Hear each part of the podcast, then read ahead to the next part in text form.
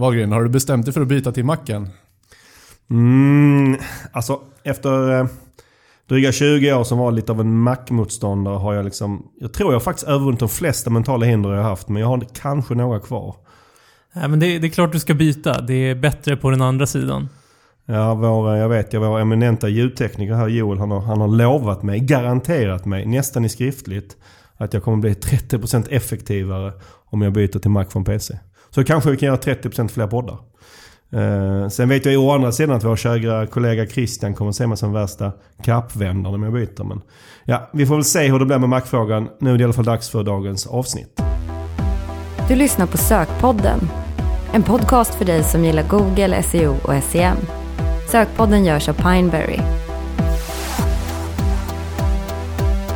Varmt välkomna till avsnitt 11 av Sökpodden. Mitt namn är Mikael Wahlgren och vid min sida idag sitter Pontus Karlsson. Hallå, hallå. Och Mikael Bergman. Hej, hej! Hur är läget med er idag? Jo då, det är bara bra. Det rullar på som vanligt. Eller vad säger du? Ja, absolut. Det är en fin dag. Och eh, som jag sa här så var det avsnitt 11 och vad jag har hört från de som kan det här med poddande så är det från och med avsnitt 11 som man börjar på riktigt. De första 10 någon form av uppvärmningsavsnitt.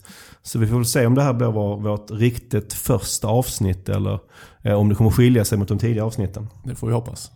Eh, vi har i alla fall tre superintressanta ämnen tycker jag för dagen. Vi ska prata om rankingfaktorer för SEO. Vi ska prata lite om budgivning inom AdWords och så ska vi avsluta med att expandera utomlands.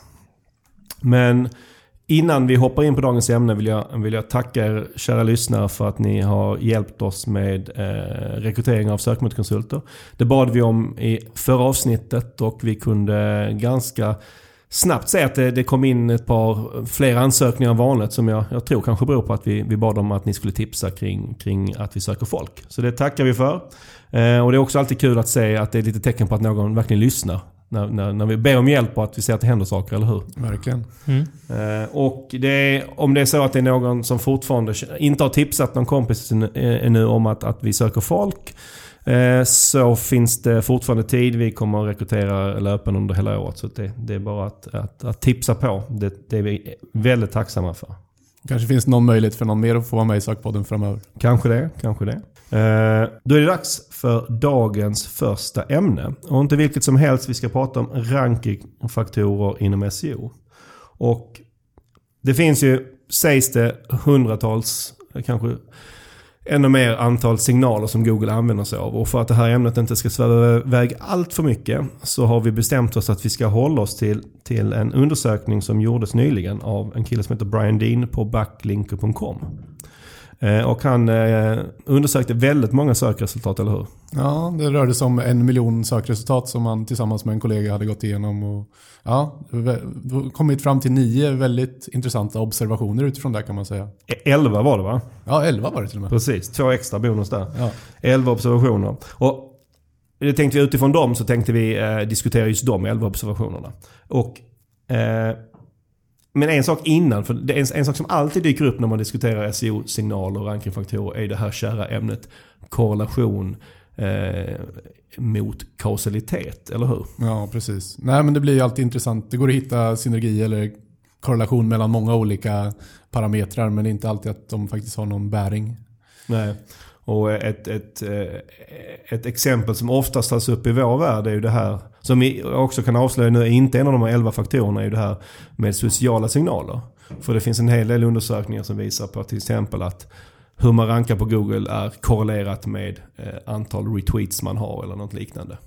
Eh, men det behöver inte betyda att det finns någon form av kausalitet däremellan, att det ena påverkar det andra, eller hur? Nej, precis. Det behöver inte finnas någon orsak och verkan mellan just sociala signaler och ranking. Nej, och just i det fallet tror jag inte det heller, eh, att, att det är så. Eh, och jag, har, jag, stö, jag sprang på en, en, en, en, bok faktiskt här, här om veckan som visar på hur knasigt det kan bli med det här med, med, med korrelation. Det, det, är en amerikansk bok. Ehm, en, en författare heter Tyler Wiggen som har skrivit boken Spurious Correlations. Ehm, och spurious fick jag kolla upp vad det betyder. Det betyder felaktiga eller förfalskade. Han har eh, grottat ner sig att försöka jämföra data och hitta korrelationer mellan de mest knasiga saker kan man säga. Ja, det var en del väldigt intressanta grejer. Ja. Du hade några exempel gällande till exempel skilsmässor va? Ja, precis. Han hade hittat att andelen skilsmässor i delstaten Maine var korrelerat med margarinkonsumtionen. Och båda två gick ner då väldigt mycket det senaste året.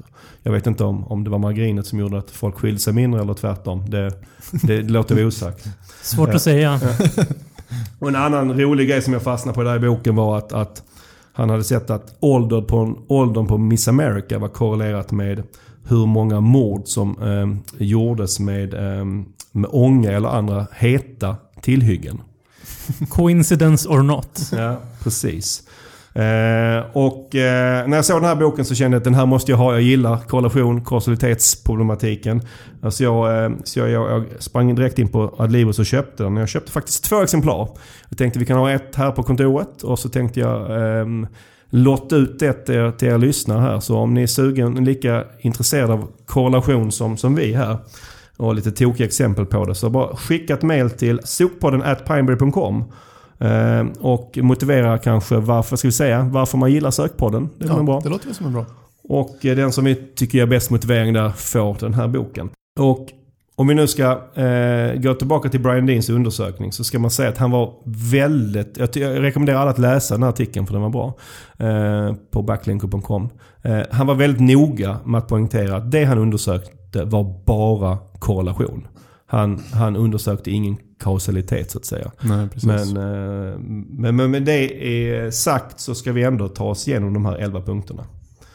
Och den, den första punkten han kom fram till det var att länkar fortsätter att vara en väldigt viktig faktor. En av de, den, det han fick fram det till var den viktigaste faktorn eh, i det här testet. Ja. ja, men det är väl något som vi har trott under väldigt lång tid och du själv brukar säga att ja, inom de tio år du har hållit på så har det varit väldigt viktigt liksom. Och ja, det är väl vad vi slår slag för hela tiden. Mm. Ja, alltså jag... eh, Det, ibland brukar det pratas om att SEO är död och sådär. Och det är inte alls ovanligt att det pratas om att länkar är inte så viktigt längre. Men jag har jobbat med det här i drygt 10 år och jag tycker länkar är ex, exakt lika viktigt idag som det var för drygt 10 år sedan. Eller egentligen när Google lanserades. För det var ju det som var lite unikt med Google. Att det var länkar som de la in i, i sin algoritm. Som inte de andra sökmotorerna hade. Sen ska man samtidigt säga att den typen av länkar som kanske var bra för 10 år sedan är kanske inte bra idag. Nej, allting Men- förändras ja, ju hela precis. tiden i vad som Ja. är bra och vad som är viktigt. Och det för oss ju ganska osökt in på, på nästa punkt som han hänvisar till också. Att just att länkars styrka blir en annan viktig faktor.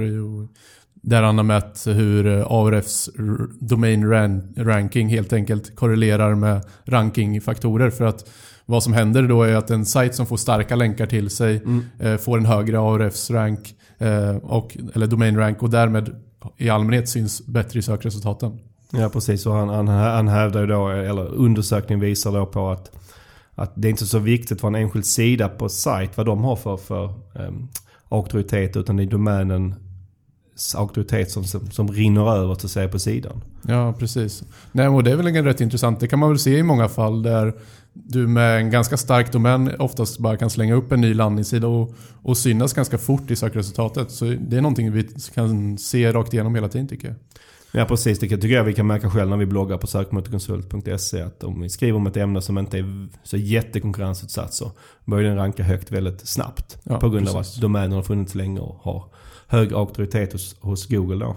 Men eh, det han jämförde här, vad han utgick ju från det här som kallas eh, ADR eller ADR. Hur tycker vi egentligen att det fungerar här i Sverige?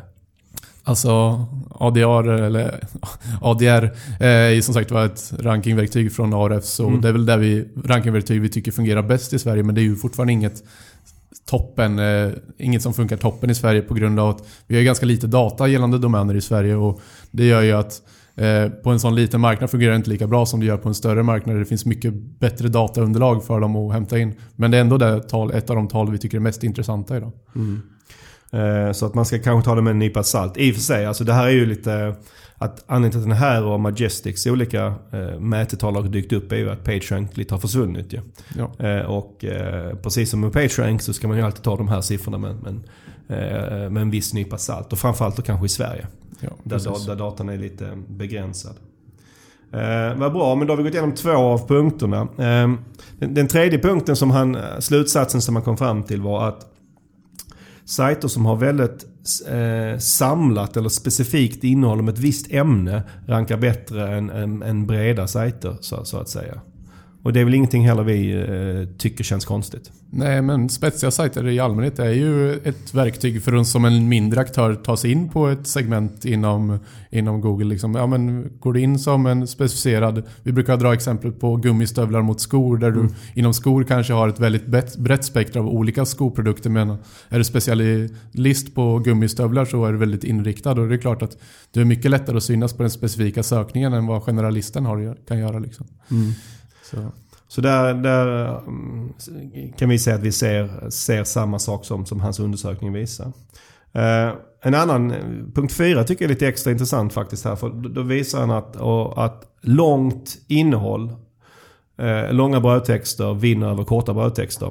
Och det är väl inte så eh, uh, unik, alltså det är inte så revolutionerande, eller hur? Det, det har man alltid sagt att Google älskar innehåll, eller hur? Ja, men precis. Det som är intressant här är ju liksom att eh, mängden ord, det, snittet då ligger på 1890 ord. Mm. Och har nästan 2000 ord liksom i sin brödtext. Det är liksom... Det, det, visst, det, man ser det men det är inte så jättevanligt i Sverige. Nej, precis. Nej men det är klart att den här är ju baserad primärt vad jag förstår på engelskspråkiga och, ja. och jag menar den engelskspråkiga konkurrensen är ju en nivå till. Sverige är ju en liten marknad om man ser det så. Mm. Men det är ju intressant, vi kan ju oftast ta till oss mycket av vad som händer i USA och sen det går mer och mer mot det i Sverige också. Och något vi ser på mycket konkurrensutsatta sökord är ju just att ja, vikten av bröd, mer brödtext blir större och större hela tiden. Och det inte, handlar inte bara om att du ska synas på en specifik sökterm utan i och med att du har skrivit väldigt mycket mer innehåll så får du också potentialen att synas på ett bredare spektrum av sökord i och med att du har olika synonymer och olika former av fraser i den här texten. Ja, så det finns ju, som vi ser det i alla fall, många fördelar med mycket text. Och jag tycker också man kan se det på vissa konkurrensutsatta eh, sökord i Sverige som tar vårt kära ord sökmotoroptimering. Det är ju ganska många som rankar där som har väldigt mycket text. Mm. Och det är ju ingen slump. Eh, utan det är ju för att det, det, det, är en viss fördel att ha mycket text. Men jag blev ändå lite chockad över att, att, att, att, att han, han, han visade på att de som rankade bra här hade nästan 2000 ord per sida. Mm. Ja, det låter väldigt mycket. Uh, om vi går till punkt 5 som han hade på sin, sin lista så var det att, att eh, HTTPS-sajter eh, rankar bättre än de som inte är HTTPS. Ja, och det har ju lite pushat för det här att folk ska gå över till HTTPS. Och mm. Det har väl fått en effekt att många har gjort det också. Huruvida vi ser att det har en, en stor rankingfaktor det är väl vi lite tveksamma på. Men om man tittar på vissa konkurrensutsatta sökord. Till exempel, vi kan ta sms-lån i Sverige. Där ser vi att 8 av 10 aktörer faktiskt har HTTPS idag. Mm. Och sen huruvida det är som sagt bara korrelation med att det är en, ett lånesegment där man vill ha säkra eh, mm. kopplingar och det är de seriösa aktörerna som väljer HTTPS eller om det faktiskt är kausalitet i det. Det är svårt att säga än så länge i Sverige skulle jag säga. Eller vad tycker du Berman? Jo, nej, men jag tycker man, man märker generellt att fler och fler sajter börjar gå över till eh, HTTPS eh, överlag. Och sen som det har med att man försöker ranka bättre att göra eller eller med, med säkerhetsaspekten av det. Det får, det får vara osagt. Något som är bra att notera är ju också att eh, eh, Google pushar ju mycket för det här med HTTPS även på den köpta söksidan. Det vill säga att för att köra Google Shopping i framtiden så ska man ha en HTTPS mm. eh, på sin sajt. Så det kan vara bra att känna till också. Ja. Ja, men jag, min, min känsla än så länge är att det handlar mycket om korrelation än så länge. Mm. Att, att, att alla vi som jobbar, vi har ju själv bytt till HTTPS så vi har väl inget direkt säkerhetsskäl att göra det. Utan vi, vi resonerar så här att ja, kostnaden för att byta till HTTPS är väldigt låg. Så om det skulle finnas en liten SEO-faktor så är vi värda att ta den här lilla investeringen. Mm. Och på sms-lån tror jag också att många där jobbar ju med eh, väldigt aktivt med SEO. Så ja, att de har, har nog haft det i beaktandet att okej, okay, vi byter till HTTPS. Där finns det kanske ännu mer ett, en fördel för att man vill vara trovärdig så att säga. Ja, och jag har eh. fått frågan också hur, om det är något problem att flytta till HTTPS. Mm. Så innan diskuterades lite att man, man måste göra redirects av alla sina URLer och det är klart att det är alltid en risk. Men på senare år så känns det som att flytt till HTTPS från HTTP inte är något problem. Google förstår det här. Så det är sällan det skakar så mycket i sökresultaten när man väl gör det. Mm. Men bara nu börjar vi närma oss halvvägs på listan och kommer till, till eh, punkt 6. Där han eh, eh, har hittat, det är ett exempel där han inte hittat någon korrelation och det är mellan hur man rankar och om man har implementerat schema.org. Ja, precis. Nej, men markup diskuteras ju väldigt mycket som en rankingfaktor, i, speciellt i de internationella eller engelskspråkiga bloggar och forumen. Men det är väl någonting vi har sagt ganska länge att vi tror inte och tycker inte att vi ser någon effekt av när man gör markup på sidorna som faktiskt Eh, gör att man rankar bättre. Däremot kan man ju se att man får ju, om man får markup som fungerar och Google väljer att visa det i sökresultatet, det vill säga ni kanske ser stjärnor ibland i sökresultatet eller bilder på receptsökningar. Det är den typen som är markup. Och det, det gör ju att ni kanske klickar, ni, ni blir mer benägna att klicka på det, eller vad tror ni? Mm. Jo, det, det påverkar säkert en CTR på ett positivt sätt, men däremot så, så, är, så är jag inte förvånad att han inte ser någon korrelation med ranking. För ett problem här är ju att för att Google ska kunna ta hänsyn till en, till en, till en faktor för ranking så måste det vara så att de flesta sajter använder det. För att i det här fallet när det är så få sajter som har valt att använda det. Så om man skulle, de skulle premiera det här för mycket så skulle liksom sökresultatet bli sämre. Mm. Ja, nej men det är ju så. De skulle lyckas boosta ett få antal men det är inte så många som skulle få ut någonting av det. Ja, precis.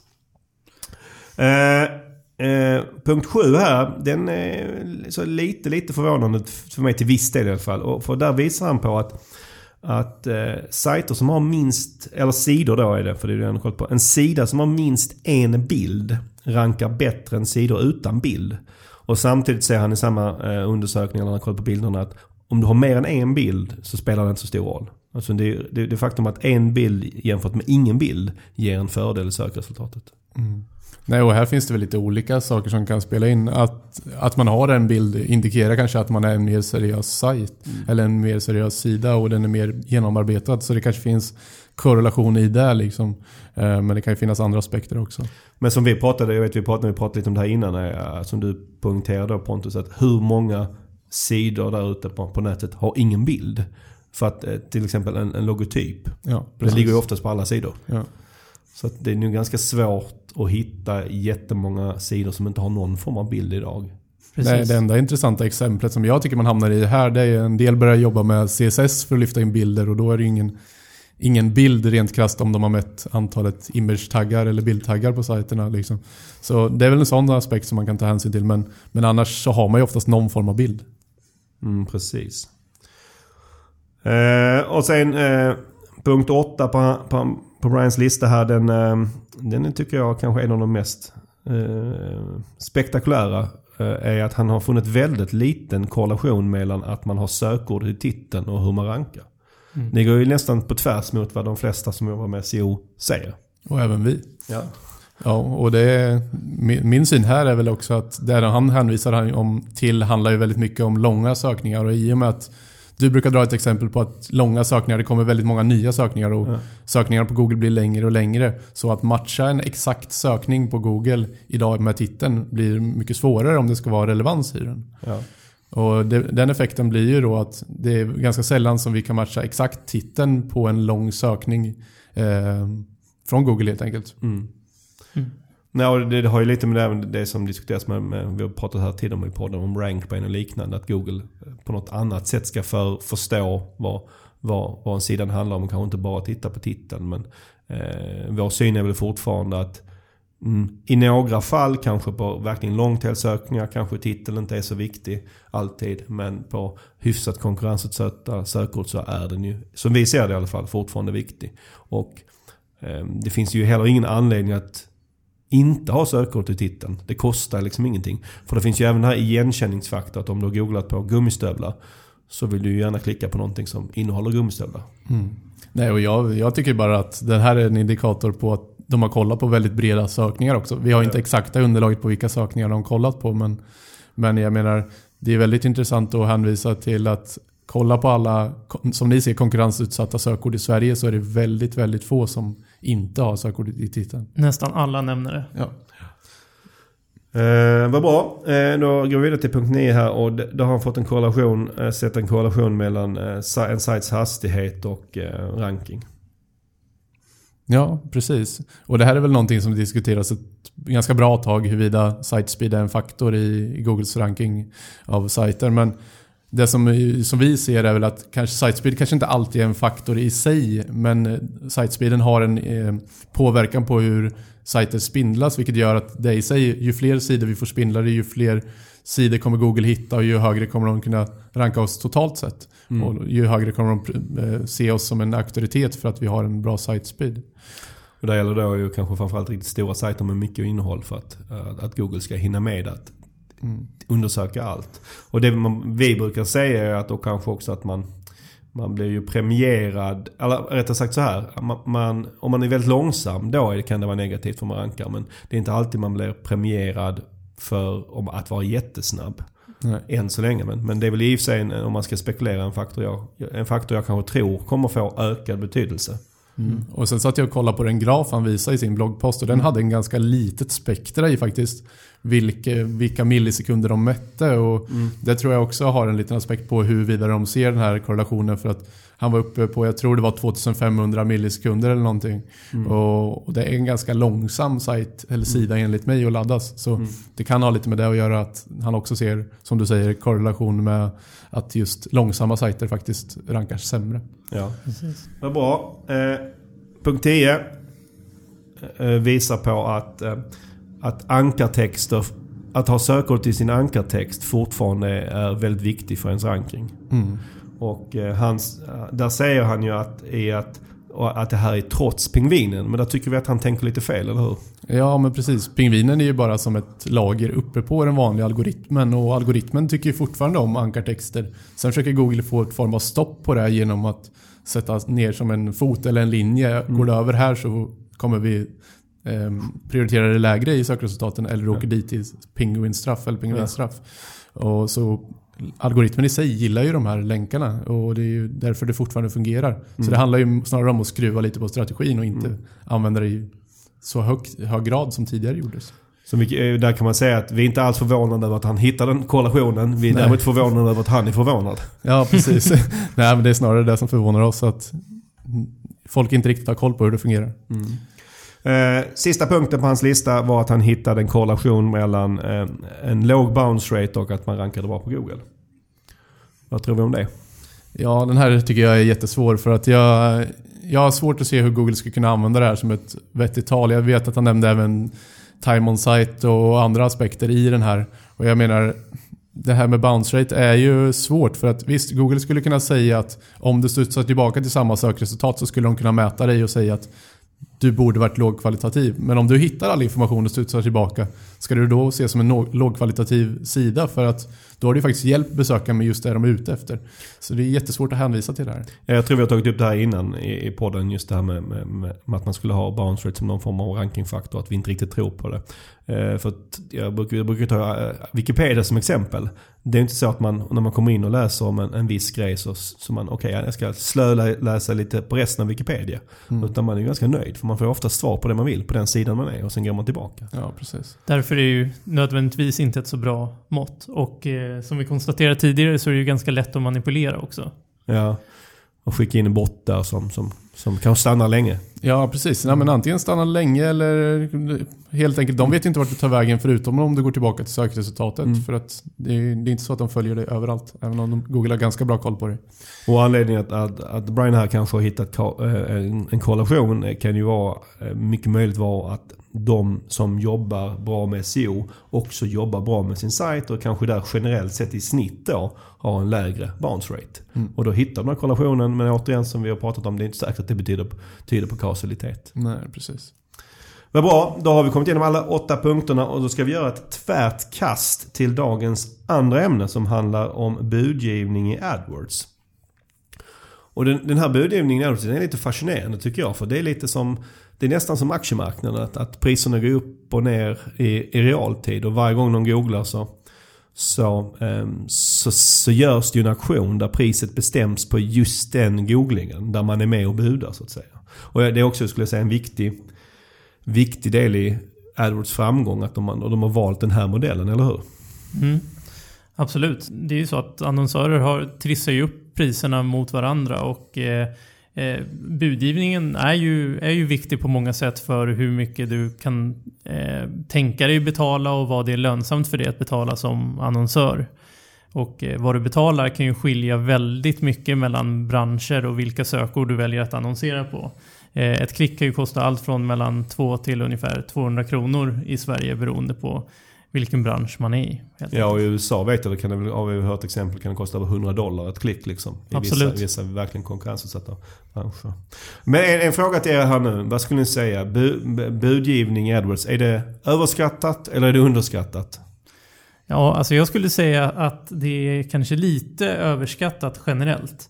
Eh, och med det menar jag att om man har väldigt stora konton som driver väldigt mycket trafik och framförallt väldigt dyr trafik så finns det väldigt mycket såklart att spara in på. Att aktivt flera gånger i, i veckan, ibland per dag beroende på hur mycket volym det finns, kanske ännu mer i vissa fall.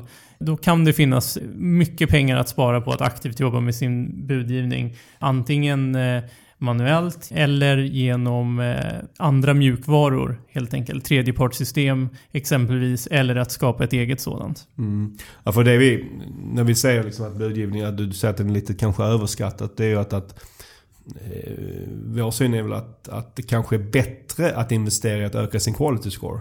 För det i sin tur driver ner priserna mer än att justera buden på marginalen.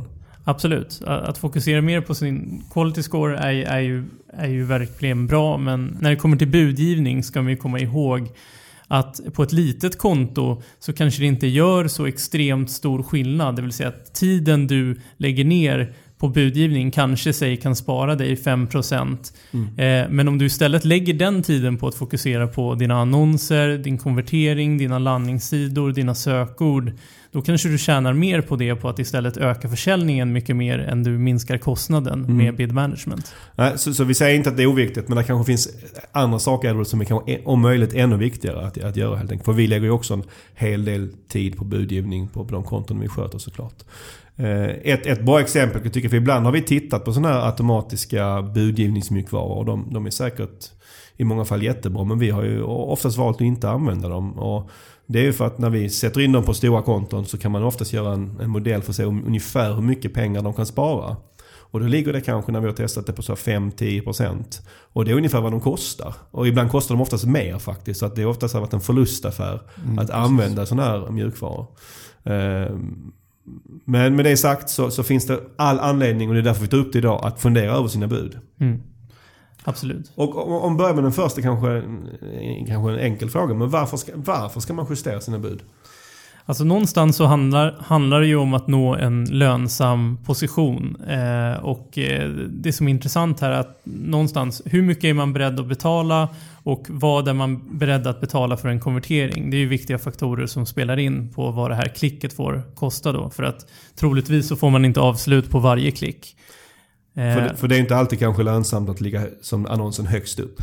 Precis, det är absolut inte alltid den högsta positionen som är den mest lönsamma. Det kan vara så att man hittar sin lönsamhet på position 3, 4, 5 eller ännu längre ner i väldigt konkurrensutsatta segment. Det beror lite på vad man har för strategi ofta skulle jag säga. Mm. Att det beror på, tänk lite vad du är för aktör. Är du den som ska utmana ta marknadsandelar, då kanske du måste köpa bort konkurren konkurrenten för att mm. du är beredd på att ta kunder från dem. Å andra sidan kanske du har en strategi där du vill vara lönsam hela tiden, vilket vi oftast rekommenderar. Och då kanske du inte ska vara den som köper bort konkurrenten utan försöker vara smart och ta så mycket som möjligt från dem ändå. Och genom att ligga två, tre eller fyra kanske till och med. Och, och, en annan sak kring det här är att om man, om man loggar in i AdWords-interfacet och, och, och kollar på det här kring budgivning så är det lätt att tro att beroende på att det är så Google lägger upp det. Att det enda det handlar om är att höja buden. Men så, är det, så enkelt är det ju inte. Google vill ju att vi ska tro det, eller tycka det. Mm, absolut. Nej men eh, ofta så, det, det varierar ju väldigt mycket och det är klart det kan vara jättebra att höja buden ibland om man ser en eh, en potential i att man, om man ökar sin position så kanske man kan driva mer volym och därmed mer försäljning eh, till en bra kostnad. Men ofta så är det väldigt lönsamt att sänka buden också när man känner att man betalar för mycket per eh, konvertering. Framförallt då man, som, som vi var inne på tidigare, kanske har lagt mycket tid på det med att få upp sin quality score. Att då, då har man ju möjlighet att, att utnyttja den rabatten man får genom Precis. att sänka sitt bud. Precis, alltså om man inte sänker sitt bud vid en hög quality score så man utnyttjar alltså inte sin rabatt fullt ut. Eh, så det, det är något som är viktigt att komma ihåg. Och eh, generellt med AdWords och budgivning kan man ju säga att det är alltid en trade-off mellan volym och avkastning. Så det handlar någonstans om att hitta en bra nivå däremellan. Och ehm, eh, om vi börjar så här då, eller vi, vi, vi går in på näst, nästa del av budgivning här. Att man kan ju göra budgivning på lite olika ställen också, eller hur? Rent praktiskt. Precis, alltså dels så kan du justera buden direkt i online-interfacet, det vill säga det vanliga webbgränssnittet. Sen så har du ju AdWords eh, mjukvara editor, AdWords editor, där du kan göra massändringar och vilket du också kan göra i online-interfacet. Men det som är bra med AdWords editor är att du kan jobba offline och där till exempel eh, göra, säg tusentals budförändringar eh, och ladda upp dem till, eh, ja, till AdWords helt enkelt. Sen kan man också sätta automatiska regler, eller hur? Precis. Det är automatiska regler är något jag är väldigt förtjust i. För, ja, men säg att du har en... eh, Du kan ställa in en regel som säger att om du har en hög CPA och en hög position så kan du sänka bud med X. Eh, och eh, det finns väldigt mycket att utforska och testa just med automatiska regler eftersom du kan göra det ja, baserat på position, baserat på kostnad per omvandling. Det finns väldigt mycket intressant att testa där. Mm. Och sen kan man ju också lägga in eh, i, i skript eh, i AdWords där man på, på olika sätt tar hänsyn till extern data i sin budgivning, eller hur? Precis, eh, det kan man också göra. Man kan eh, ha skript där man har eh, regler i ett eh, spreadsheet till exempel där eh, man eh, skickar och hämtar data. Eh, och man kan till exempel använda det för marginaler på produkter också och göra biddingregler baserat på det. Ja, precis. Nej, men det, är väl, det finns ju många olika externa liksom, datapunkter man kan använda. Men skript eller API som är den sista punkten också. Mm. De två verktygen använder man ju ofta för att kombinera extern data med, med AdWords data för att få ut bästa möjliga budgivning. För att i slutändan handlar det om att du ska tjäna så mycket som möjligt efter ja, dina marginaler och efter vad du har för kostnader på frakt eller vad det nu kan vara. Det är sådana parametrar som man kanske inte tar hänsyn till i AdWords utan man pratar ofta CPA eller kanske ROAS eh, i längsta utsträckning. Men vill man ta en nivå till så kanske man måste jobba med mer extern data. Precis, vad, vad bra att du nämnde det Pontus, där med vilka parametrar man ska, man ska ta hänsyn till. För det tänkte jag ta upp som nästa grej. Liksom, vad, vilka är de här sakerna, variablerna eller parametrarna man, som man, man, man, man normalt sett ska buda utifrån eller som man kan, ta, som man sku, kan buda utifrån? Men jag tror att det viktigaste är att buda efter prestation. Eh, och då tror jag att man framförallt kan kolla på eh, CPA, sin kostnad per omvandling, och eh, ROAS eh, för att se sin avkastning på ett visst sökord. Mm. Så det är liksom det viktiga att man, man specifikt tittar helt, helt och hållet utifrån sin prestation såklart. Ja, det är där oftast de flesta måste börja i alla fall. För att har man inte det här klart för sig då kan man inte gå in på dem jag nämnde sen heller med marginaler och så. Man måste ju börja med det här och se att man får det här att funka och få in datan. Sen kan man börja kolla på vad de exakta marginalerna är på de produkterna.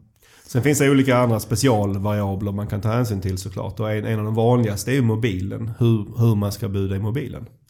Precis, och det är ju en fråga som många ställer sig, eh, speciellt nu för tiden när mobiltrafiken ökar så mycket. Och då måste man ju någonstans eh, ja, bestämma sig helt enkelt hur mycket man tycker den här trafiken är värd. Dels på eh, faktiska konverteringar man ser i, i kontot, men sen även kanske uppskattade konverteringar då som man tror eh, äger rum. Det vill säga om någon klickar på mobilannonsen men sen gör avslutet på en desktop till exempel. Jag tror att ett, ett relativt, och det här kommer Google gilla att jag säger, men jag tror att ett vanligt, ett vanligt misstag kanske är att man, man, man minskar sitt bud på mobilen för att man inte ser konverteringarna. På grund av den här cross-device tracking problematiken och sådär. För att, att det, är, det tror jag är ganska vanligt idag att man, man, man ser inte riktigt värdet i mobilen och därför minskar man sitt bud. Mm. Och det är inte alltid att det är rätt. Nej. Nej. Nej, och vi är väl inte... Google har ju släppt den här cross-device-grejen som vi har diskuterat lite Mm. internt och jag menar, vi är inte alltid säkra på att den stämmer för att vi tycker att det låter väldigt låg den informationen vi får i antalet ökade konverteringar som mobilen Ja. skulle härföra. Ja. Så om ni har börjat kolla på den så var lite tveksamma till den. En annan sak som, som man kan eh, buda utifrån det är liksom vilken dag man budar i veckan. Mm, absolut, men det är ju många företag eh, Eh, som har mycket att tjäna på att justera sin budgivning. Eh, dels på eh, dagar som presterar bättre eller sämre eller som är, eh, där det är hårdare konkurrens än annars. Men eh, också tiden på dygnet. Ja, och idag så har jag ett, eh, har vi ett ganska bra eget exempel på Pineberry. Vi kom ju fram till efter ett tag att de offertförfrågningar vi får på helgerna är inte alls lika bra som de på veckodagarna. Och logiken där är säkerligen att det är mer privatpersoner som googlar på våra sökord på helgerna. Eh, Medan det är mer företagare som är våra potentiella kunder på veckodagarna. Så vi har ju vi, vi börjar väl med att justera våra bud på helgerna. Nu tror jag knappt vi budar alls på helgerna. Nej, precis. Eh, Så det är sånt man kan ta hänsyn till beroende på hur ens verksamhet ser ut. Ja, och då handlar det inte bara om CPA eller ROA som sagt var, utan det kanske handlar om faktiskt kvaliteten på de leads som kommer in också. Ja. Mm. Och sen kan man också ju såklart ta hänsyn till geografi. Absolut. Eh, Det kan ju vara så att man märker att nej, men vi konverterar mycket mindre i vissa län och till en mycket högre kostnad och kanske kvaliteten på leadsen är sämre exempelvis. Eh, Och då kanske det helt enkelt finns mycket att tjäna på att sänka de buden med sig 30% som exempel. Och eh, en favoritfunktion jag har, eller som jag, jag gillar mer med, det är RLSA. Att använda RLSA för att justera dina bud. Ja, precis. Nej, men det, RLSA handlar ju om att budjustera efter hur besökarna använt sajten eller om de har befunnit sig på sajten överhuvudtaget. Så Mm. får en målgrupp på de besökarna som varit på sajten eller gjort något specifikt på sajten. Ja, man använder ju remarketing-data för att få justera sina bud. Till exempel man kan öka eller minska sina bud beroende på om man tycker det är bra eller dåligt om de har besökt sajten. Kanske minska för de som redan har handlat till exempel. Mm, det beror ju på vilket segment man är i. Hur Ja. ofta kunderna köper helt enkelt. Ja, sen finns det mer så exotiska faktorer man kan ta hänsyn till, som till exempel väder. Precis, eh, det är ett ganska roligt exempel då. Det finns ju vissa skript som kopplar upp sig till olika väder-API. Så att säg att det regnar ute i regionen där du annonserar eh, så kan man eh, höja buden baserat på det eller sänka dem. Det vill säga, och det beror lite på vad man säljer kanske. Ja precis, och är det mycket snö ute så kanske man säljer, ökar buden på pulkor om man, om man säljer det. Mm. Eh, vad bra. Sen finns det ju, vi har ju pratat lite nu om hur man själv kan jobba med det här. Men, men, men, men eh, Google har ju sina egna budstrategier man kan använda sig av. Och de står då i kontrast till att man ska jobba manuellt. Och man kan se det lite som att om man använder strategier så ja, då sätter man sig lite tillbaka för fåtöljen och så låter man Google sköta budgivningen. Rent generellt, vad tycker vi om det? Manuellt versus Google, att låta Google sköta det. Vi föredrar alltid den manuella budgivningen och det kräver ju också att man har mycket kontroll på eh, statistiken och att man hela tiden kollar och ser eh, hur ser prestationen ut och hur ska vi förhålla oss budgivningsmässigt till det.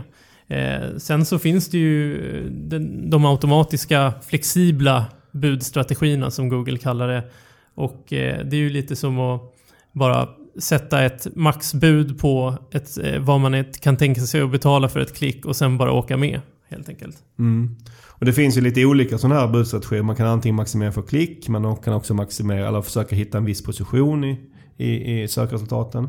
Man kan också eh, i, gör, maximera för att slå en viss konkurrent som man vill ligga över, som du sa Pontus, som man vill ta marknadsandel till exempel. Precis. Eh, och så kan man också utifrån CPA och ROAS eh, eh, sätta, eh, sätta automatiska bud. Av, om man nu ändå ska välja någon av de här, vilken tycker ni att man ska välja? Jo, men jag, jag tror att vi kanske tycker lite, lite olika här också. Men att jag tror att om det finns mycket konverteringsdata Eh, då tycker jag att eh, mål-CPA kan vara en intressant eh, budstrategi att använda. Och då låter man helt enkelt AdWords fritt optimera baserat på konverteringsdatan och försöka nå ens mål-CPA eller såklart komma under det. Det tycker jag är en strategi som är ganska intressant och som funkat bra i många fall. Men då gäller det verkligen att man har mycket data. Mm. Och jag tycker att den, den är en av de senaste de har kommit med, Målroas kanske är den mest intressanta. Den funkar i princip bara för e-handlare dock eftersom det, det, det räknar man på intäkt också. Eh, det man ska tänka på där är att den jobbar på ganska gammal data om man ska vara krass. Och, Eh, har du haft en period med lite sämre försäljning på ett sökord så är det lätt hänt att den, att den budar lite lägre och kan döda ganska mycket trafik. Men eh, sen de släppte till exempel målroas för Google Shopping så kan det vara intressant att titta på för vissa shoppingkampanjer och så vidare.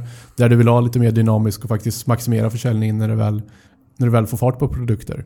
Eh, så där finns det lite intressant. Men även mål CPA tycker jag är intressant som du säger. Speciellt kanske för kunder eller när man jobbar med Mobile App Downloads till exempel. Där du har extremt mycket konverteringsdata som du får in hela tiden för att varje download är en konvertering. Då kan Google jobba mycket bättre med den datan och faktiskt leverera mer downloads. Ni pratar ju väldigt mycket om data och dataunderlaget och oavsett om man låter Google sköta det eller jobbar manuellt som vi kanske då mest rekommenderar. Så är ju datan extremt viktig för att man ska kunna ta rätt beslut om buden. Mm. Absolut. Nej, men så är det. Det är väl lite så att utan data så har man inget beslutsunderlag alls. Eh, det är ganska lätt att ta fel beslut då och det kan vara lätt att vara lite trigger happy i, i början i sådana fall om man inte har någon data också. Så därför tycker vi att det är viktigt att man kanske inte pillar med buden för ofta om det inte finns mycket trafik. Man måste ju ha någonting att ta hänsyn till och grunda sina beslut på. Framförallt då kanske i början när man startar ett konto innan man har data. Att man ska vara, ha lite is i magen. Sen vet jag Pontus, du säger att man istället för att kolla på, på, på den statistiken så finns det en annan sak man som är lite- ger någon form av mellantid om man ska göra en referens till alpin skidåkning. Ja, jag, jag refererar nog mer till längdskidor för jag tycker det är roligare. Okej. Men, nej, men det jag tog som en mellantid det var ju som sagt var att man kan kolla på positionen. För det ger en indikator om vart du förhåller dig till konkurrenterna ganska fort.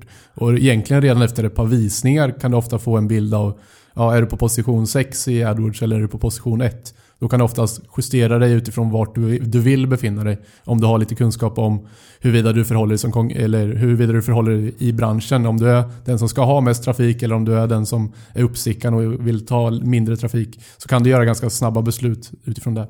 Ja, för befinner du dig på position 6 så kan du utgå från att du får... Då kommer du inte få så mycket konverteringar oavsett om du inte ser dem nu eller inte. Och ligger du på position 1 så kanske du betalar för mycket för dem. Den Precis. slutsatsen kan man dra ganska snabbt innan man ser konverteringarna på riktigt så att säga. Ja. Absolut. Eh, sen så, eh, vi kan ju slå ett slag för AdWords Campaign Experiments också som kan vara bra att känna till. Eh, för då kan man faktiskt experimentera med en del av trafiken för att se hur den svarar på budförändringarna. Så säg att man inte är beredd att testa med hela sin trafik och säg höja budet med 50% för att se om det leder till, fem, till mycket mer försäljning. Eh, då kan man avsätta sig eh, 30% eh, av kampanjens trafik till det här experimentet och sen få ett statistiskt signifikant resultat efter ett tag som säger ja men så här funkade det och om det blev bättre eller sämre. Mm. Är, det någon, är det någon, avslutningsvis här nu, är det någon typ av sajt eller företag som ska tänka extra mycket på budgivning? Som ska lägga extra mycket tid och kraft bakom det? Jag skulle säga alla som har, eh, som upplever sig ha mycket volym framförallt eh, och eh, mycket konverteringsdata har väldigt mycket att vinna på att eh, lägga mycket tid på det.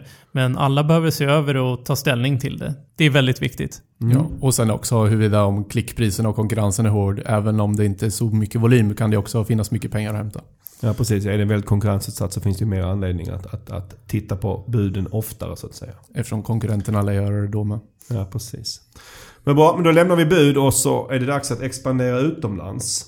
Eh, och med det eh, äm- ämnet menar jag att, att väldigt många av våra kunder och folk vi träffar rent allmänt, framförallt kanske e-handlare, efter att man har lyckats i Sverige så börjar man fundera på okej nästa steg kanske man ska ut i Danmark, Norge, Finland eller Tyskland. Och vad behöver man då tänka på kring SEO och SEM? Och för att smala av det här lite så har vi tänkt att fokusera på liksom det här med länder och språk och marknader. Hur ska man hantera det? Vad ska man tänka på?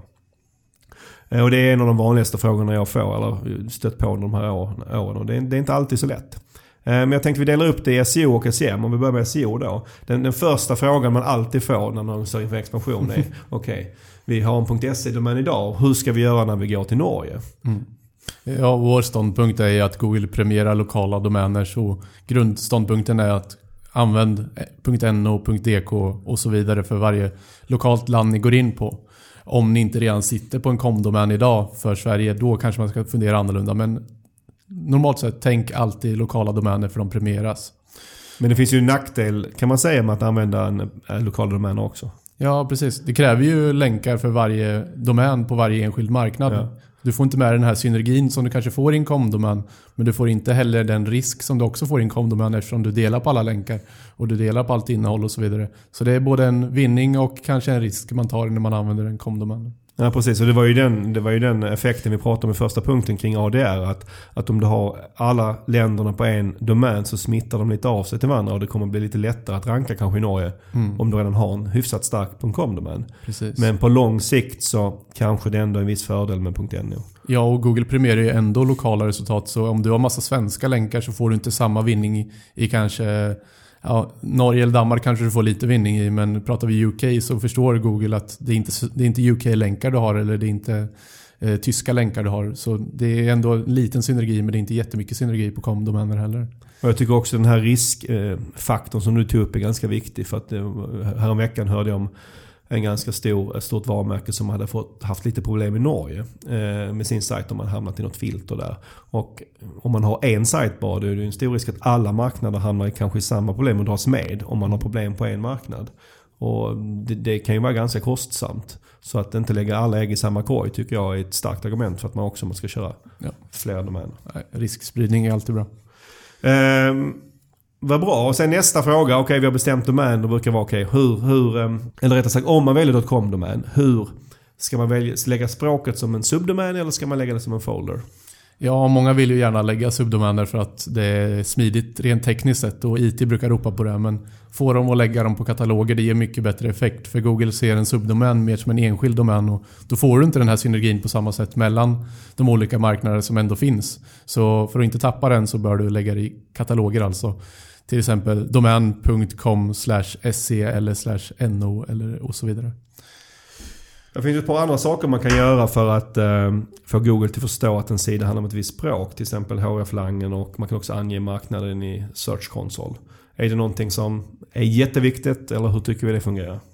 Nej, min bild är av det att det är inte är jätteviktigt. Eh, för att HRF-lang har vi även sett lite så tvivelaktiga blandade erfarenheter av. Det har strulat lite ibland. Även om det varit rätt implementerat så har Google inte riktigt förstått, eh, förstått det. Även om de rekommenderar det. Och ja, därför är det lite knepigt. Däremot Search Console har jag faktiskt sett bra effekt av några gånger där man där Google har varit lite svårt att förstå vilken marknad du har gått in på när du är en ny aktör innan de förstår att den här komdomänen faktiskt också är aktiv i Norge eller någonting. Om du lägger upp en profil som är google.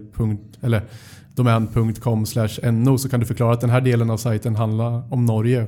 Eh, och då kan du lite snabbare synas i sökresultaten. Mm. Och min, min bild är också att det liksom oftast, inte även om du har upplevt lite problem, så är det oftast inte skadligt att göra de här grejerna. Men eh, även om du skulle säga till en HF-lang att du säger att en sida är på norska och den, är, och den brödtexten är på svenska så kommer ju Google fatta att den är på svenska i normalfallet. Ja, precis. Så det är ju egentligen vad, vad, du har för innehåll på sidan som är det viktigaste för att Google ska förstå vad den handlar om. Ja, absolut. Um, en, ett specialfall här när det gäller marknader som många fastnar vid, det är om man har när, när, om man går ut och expanderar på flera marknader fast där det är samma språk på de här olika marknaderna. Ta exemplet att man lanserar både i UK, i USA, i Kanada och i Sydafrika där engelska är språket. Men av olika anledningar så har man separata antingen sajter eller, eller delar på en sajt för att de, det är olika valutor, man kanske vill ha olika priser, eh, man kanske vill ha lite olika information. Men oftast är ju innehållet mer eller mindre identiskt. Precis. Nej, men det här är en av de största problemen som jag tycker man stöter på när man jobbar med, med större kunder som vill ut på många engelskspråkiga marknader. Och vår rekommendation är ju det absolut bästa, ha unikt innehåll på var och en av sajterna. Och, och det är ofta så att du måste ändå kommunicera olika till olika marknader. För att om du tänker krasst så är inte UK och US samma sak. Även om du tycker att de pratar engelska båda två. Och ännu mindre om du pratar Sydafrika eller Kanada kanske. Mm. Eh, så kanske du måste tänka annorlunda. Och i och med att du ska få en så maximal eh, SEO-prestanda som möjligt så bör du jobba med unikt innehåll. Och i alla fall så stor del som möjligt av det. Eller vad tycker ni? Jo precis, och det, det man riskerar är ju att, att i värsta fall så är det ingen, alltså så, så drabbas alla språkversioner här och ingen rankar riktigt bra. Precis. Eh, och ett, ett, annat scenario är att det är fel sida. Som att den amerikanska sidan rankar i Sydafrika. Mm. Och det är inte helt optimalt det heller. Eh, men jag kan också tycka ibland att, för oftast är det inte praktiskt, eller det är klart att det är alltid praktiskt möjligt, men mm, att ha helt unikt innehåll brukar det möta på ganska stort motstånd. Mm. av olika anledningar. Men då kanske man får köra någon mellanväg där man, man, man har de viktigaste sidorna unikt innehåll eller, eller hitta någon, någon lösning för det. Ja, precis. Nej, det brukar oftast gå att hitta någon lösning men eh, tänk på det här att Google tittar på varje enskild marknad och inte på språk på samma sätt som många tror. Eh, så det är väldigt viktigt att ha med sig. Eh, jag kom på, ett litet, en helt, kom på att tänka på en helt annan sak kring språk. Ett litet stickspår, för det behöver inte alls ha med att expandera utomlands att göra. Det är ju det att, att köra på utländska sökord på en, på en viss marknad. Som exempel att köra engelska sökord i Sverige. Hur fungerar det tycker ni? Alltså det är väldigt varierande för att förstår Google att det är faktiskt ett sökord som används i Sverige, alltså det är en benämning som man använder, då brukar ofta sökresultaten vara väldigt svenska och därmed också fungerar det ganska bra att ranka. Men eh, är det så att det är väldigt mycket engelska resultat när du väl söker på det i Sverige så bör du ta hänsyn till det för då är det oftast väldigt mycket svårare att synas för att Google ser det som en engelsk term och inte som en svensk term. Jag hade ett exempel förra veckan. Det var någon som ville synas på ordet container home i Sverige. Eh, och det var ju det, var ju mest engelska sökresultat. Mm. Medan jag tror om man skulle googla på eh, något mer etablerat begrepp som callcenter och liknande så, så ser man mest svenska sökresultat. Precis. Nej, och det man ska tänka gällande det här är ju också att det växlar oftast väldigt mycket på de engelska termerna. Så ena dagen kan det vara mer engelska resultat och andra mer svenska. Och det ser vi inte minst på SEO-termen som vi vill synas på i Sverige för, för vårt varumärke Pineberry. Liksom. Och där kan det vara ibland vara väldigt mycket engelska resultat, ibland är det väldigt mycket svenska. Så då är det väldigt svårt att veta hur, man, hur Google kommer förhålla det i konkurrensen med de engelska eller de svenska helt enkelt. Mm. Ja, så det är alltid lite svårare. Eh, men ett sätt man kan komma runt det här såklart om man nu vill synas på till exempel Container Home som det var i det här fallet. När inte Google har uppfattat att det är en svensk sökning nu. Det är ju att annonsera via AdWords, eller hur? Absolut. Det är ju ett sätt då man faktiskt kan synas där direkt. Och på tal om AdWords så, så eh, passar det väldigt bra för att då går vi över till hur man ska tänka utomlands om man kan expandera just kring AdWords. Eh, och den första frågan här man bör ställa sig kanske är hur många AdWords-konton ska jag ha? Ska jag ha ett där jag samlar allt eller ska man ha ett per marknad? Generellt sett så kan vi säga att det är bra att ha ett konto per marknad, per land. Eh, och det finns många anledningar till det. Dels så tycker vi att det är mycket lättare att mäta och utvärdera eftersom jag menar det blir krångligt om du har väldigt många olika länders statistik i samma konto. Och sen så blir det också lättare med eh, Analytics-kopplingen, det vill säga ja, alltså ett konto till en profil eh, tycker vi funkar väldigt bra eh, generellt. Och sen så eh, att ha, alltså det här med valutorna, det kan ju såklart eh, ställa till det eh, om man inte har tänkt igenom det. För att det kan ju vara bra att veta, det går ju inte att ändra valuta i AdWords när man väl har skapat sitt konto. Så att det är ju bra att tänka så att intäkten är i samma valuta som kostnaden i AdWords och Analytics.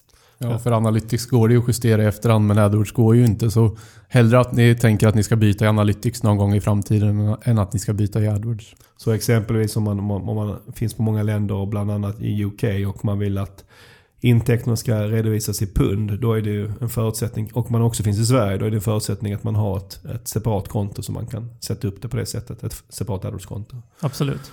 Men om man då tycker det är struligt med många AdWords-konton, för det, det är kanske inte jätteroligt att ha jättemånga konton. Eh, så kan man ju lösa det med, med ett sånt paraplykonto, ett MCC.